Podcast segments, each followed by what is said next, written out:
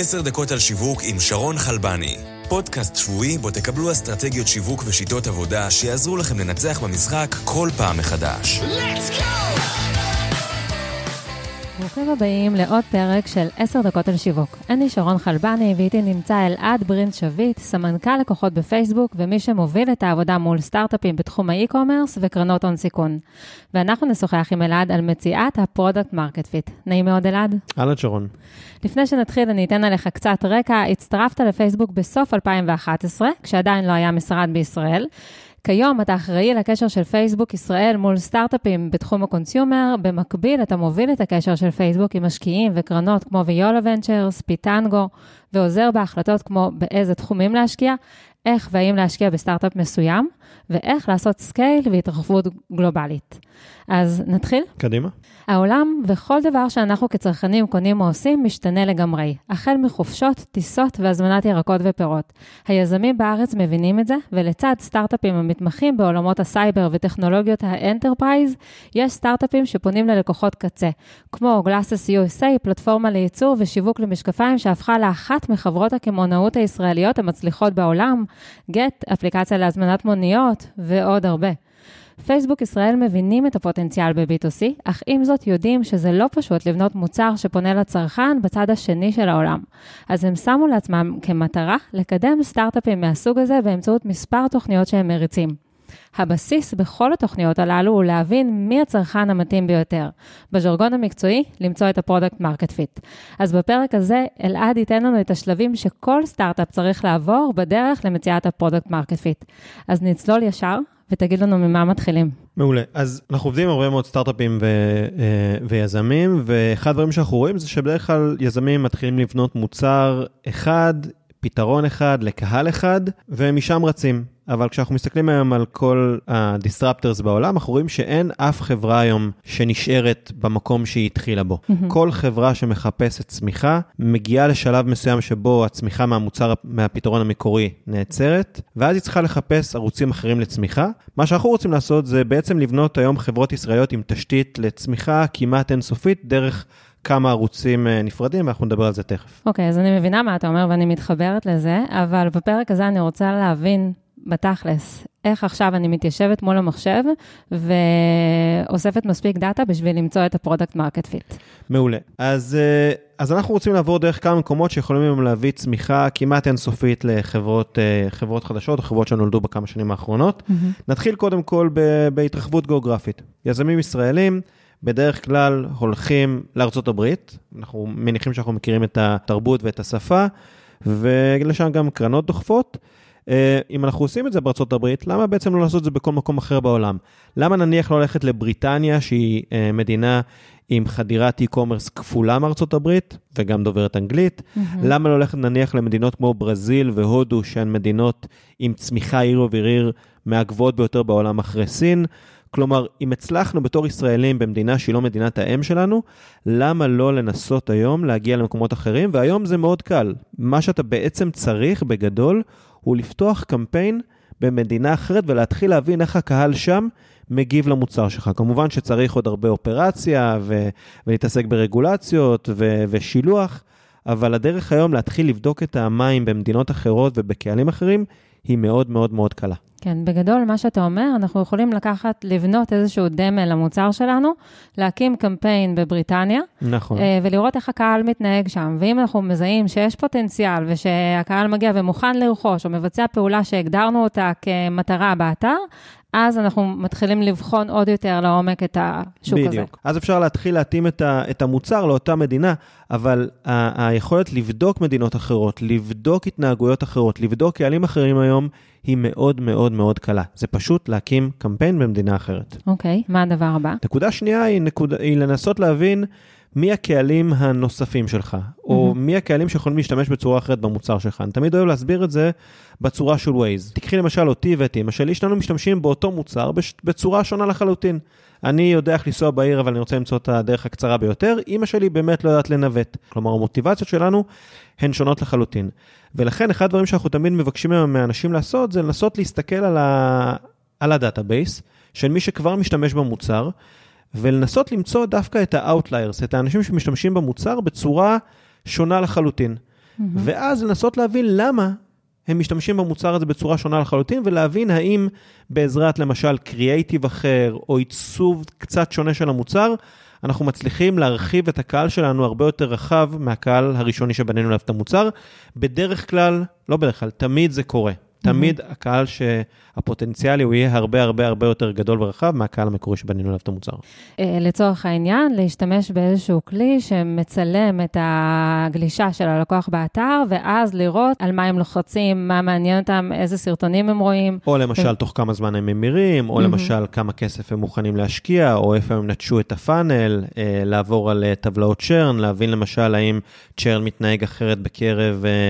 אה, אה, מין או גילאים, או אם זה בארצות הברית בין states שונות. אגב, גם הרבה פעמים אנחנו יודעים שאנשים שמגיעים מקמפיינים שונים, מגיבים שונה לחלוטין ל funnel. שוב, אם נחזור לדוגמה של אה, מחיר או משלוח, אנחנו mm-hmm. נראה שהאנשים האלה מתנהגים בצורה שונה לחלוטין. אוקיי, mm, okay, מעניין מאוד. אז הנקודה הראשונה הייתה בעצם גיאוגרפיות, הנקודה השנייה הייתה אה, לאפיין את הפרסונות שמשתמשות במוצר שלנו. מה הנקודה השלישית? הנקודה השלישית היא מוצרים. בתור חברות טכנולוגיות, או חברות עם edge טכנולוגי מסוים, נורא קל לנו היום לפתח מוצרים דומים למוצר ה core שפיתחנו, תחת, אה, סביב אותו סט טכנולוגיות.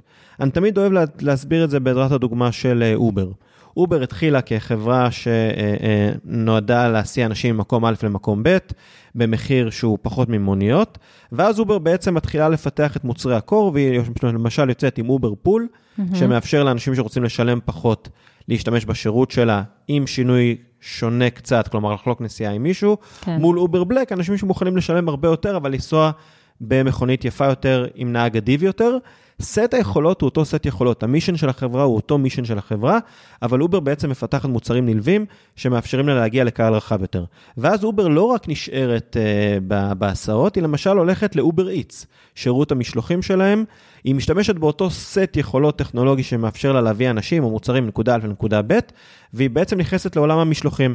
ואחד הדברים המעניינים למשל בדוחות של אובר מלפני כמה חודשים, mm-hmm. אובר מדברים על זה ש-40% מהמשתמשים החדשים של Uber Eats מעולם לא השתמשו באובר לפני זה. כלומר, זה מאפשר להם להגיע לקהלים שונים לחלוטין, עם אותו סט יכולות. להגיע לקהלים שונים ולגבות מחיר שונה על כל מוצר. בדיוק. אז הנה, עברנו לנקודה הבאה שהיא תמחור. כן. אחד הדברים שקיימים בתעשייה שלנו, שאנחנו עובדים איתה, של סטארט-אפים, היא היכולת לשחק עם, אה, היכולת לשחק עם מחיר, וגם להקים מוצרים שונים שפונים לקהלים שמוכנים לשלם בצורה אחרת. Mm-hmm. אז אם אני אתייחס שוב לאובר, אז דיברנו על Uber Pool, אתה יכול לשלם רבע מחיר מאשר נסיעת אובר, מול אנשים שמוכנים לשלם הרבה יותר ב Uber Black, אה, וזה טריק שהוא קיים כמעט בכל תעשייה. אם נלך למשל לתעשיית האופנה, mm-hmm. אז אה, כולנו מכירים למשל את אה, קבוצת Gap, בתוך Gap יש לנו את, את גאפ עצמה, ואז יש את Old Navy שמאפשרת להציע בגדים במחירים נוחים יותר עבור קהל רחב יותר, ומצד שני את Banana Republic,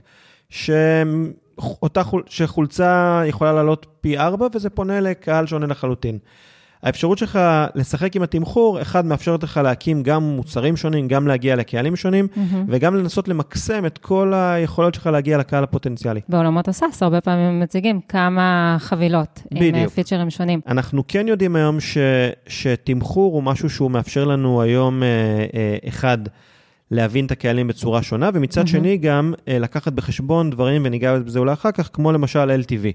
האם למשל שווה לך בנקודה מסוימת היום לתמחר בצורה שהיא קצת יותר נמוכה, אבל להבין את, ה, את, ה, את ההכנסות מאותו צרכן לאורך כל השנה, או האם אתה מעוניין להגיע לקנייה אחת, ואז אתה כבר תשחק על מחירים הרבה יותר גבוהים. אוקיי, okay. אז באמת ניגע בזה עוד מעט. Uh, הנקודה האחרונה, מבחינת uh, מציאת ה product market fit? אז אנחנו מדברים על multi brand. Mm-hmm. התחלנו בזה שאנשים היום מקימים uh, מוצר אחד לקהל אחד עם פתרון אחד. ואני חושב שהיום, בעולם הדיגיטלי, האפשרות שלך להקים מותג חדש, שוב, סביב אותו יכול, סט היכולות הטכנולוגיות שקיים לך, הוא מאוד קל. Uh, ניקח למשל את, uh, את Lightricks, Lightricks שיושבים בירושלים, חברה שפיתחה יכולות עיבוד תמונה במכשירי מובייל. הם התחילו מ Facetune, טכנולוגיה מדהימה שמאפשרת לאנשים לתקן את הסלפי.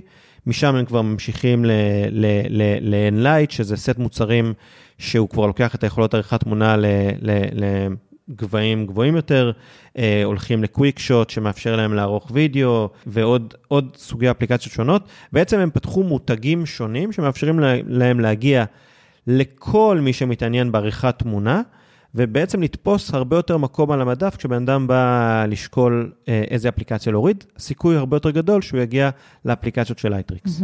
בעצם הם פנו לקהל העסקי, לקהל הפרטי ולקהל המקצועי. אה, נכון. הם מציגים את ה brand שלהם בצורה שונה מול כל אה, קהל? כן, החל מזה שזה נראה אחרת, חלקם גם עם שמות אחרים. וואלה. האסטרטגיה הזאת היא נכונה לדעתך? היא אסטרטגיה נכונה וצריך לדעת נורא טוב איך לנהל אותה. למה? כי מצד אחד אתה כן רוצה לתפוס הרבה יותר מקום על המדף, אנחנו יודעים שחברות כמו למשל Procter and Gamble או חברות רכב עושות את זה. מצד שני, אתה גם לא רוצה לעשות קניבליזציה, אתה לא רוצה להתחיל להתחרות בעצמך. כן. ולכן מכאן הצורך ב- ב- בלהבין את הקהלים הוא מאוד חשוב. Mm. אם אתה מצליח בעזרת multi brand להגיע לקהלים שונים, או למקסם את היכולת שלך בתעשייה מסוימת, מצוין. אם אתה מתחיל להתחרות בעצמך, זה כמובן כבר הבנתי. לא מומלץ. אלעד, אני חושבת שזה ההסבר הכי טוב שאני שמעתי עד היום לביטוי הכל כך שגור product market fit. תודה רבה. אנחנו נסיים את הפרק באיזשהו טיפ אחד ממך ליזמים ולאנשי השיווק שמקשיבים לנו. אחד הדברים שאני תמיד אוהב להתעכב עליהם זה consumer journey. אה, זה אומר להבין את הצרכן הפוטנציאלי שלך. כלומר, להבין מי האנשים שבכלל יש סיכוי פוטנציאלי שישתמשו בך, שעדיין לא הגיעו אליך. להבין אותם כשהם מגיעים אליך, להבין את המוטיבציות, אה, למה הם נוטשים, איך הם נוטשים, למה הם קונים, כמה כסף הם ישקיעו, ואחרי זה, להבין שאחרי שהם קנו, הם עדיין נשארים הצרכנים שלך. ואתה יכול מצד אחד להחזיר אותם לרכוש את אותו מוצר, או להשתמש במוצר עוד פעם ועוד פעם ועוד פעם. אתה יכול להציע להם מוצרים נלווים ונוספים, ואתה יכול גם, אם יש לך כמה, כמה ברנדים, אתה יכול גם להסיע אותם בין הברנדים השונים האלה. כלומר, בסוף לנסות אה, אה, אה, לייצר מודל LTV מוצלח ככל שאפשר, כדי לסחוט את הלימון הזה כמה שיותר. מדהים. אני רק אגיד, LTV זה lifetime value, שזה סך כל הכסף שהלקוח מוציא אצלך לאורך כל ימי חייו כלקוח. בדיוק. תודה רבה, אלעד. תודה רבה. אנחנו סיימנו. למי שעדיין לא יודע, אני אומר שבקרוב יהיה אירוע live של הפודקאסט. על הבמה יופיעו היזמים מהפרקים הכי מושמעים ואלה שעוררו הכי הרבה תגובות ברשת. הולך להיות מעניין ואפקטיבי. נשתמע בשבוע הבא. עוד פרק של עשר דקות על שיווק הגיע לסיומו. אנו מזמינים אתכם להירשם ולקבל אסטרטגיות שיווק ושיטות עבודה מהאנשים המובילים בתעשייה. אל תשכחו לדרג ולכתוב ביקורת על התוכנית כדי שנוכל להמשיך לספק לכם תוכן איכותי. נתראה בשבוע הבא בעוד עשר דקות על שיווק עם שרון חלבני.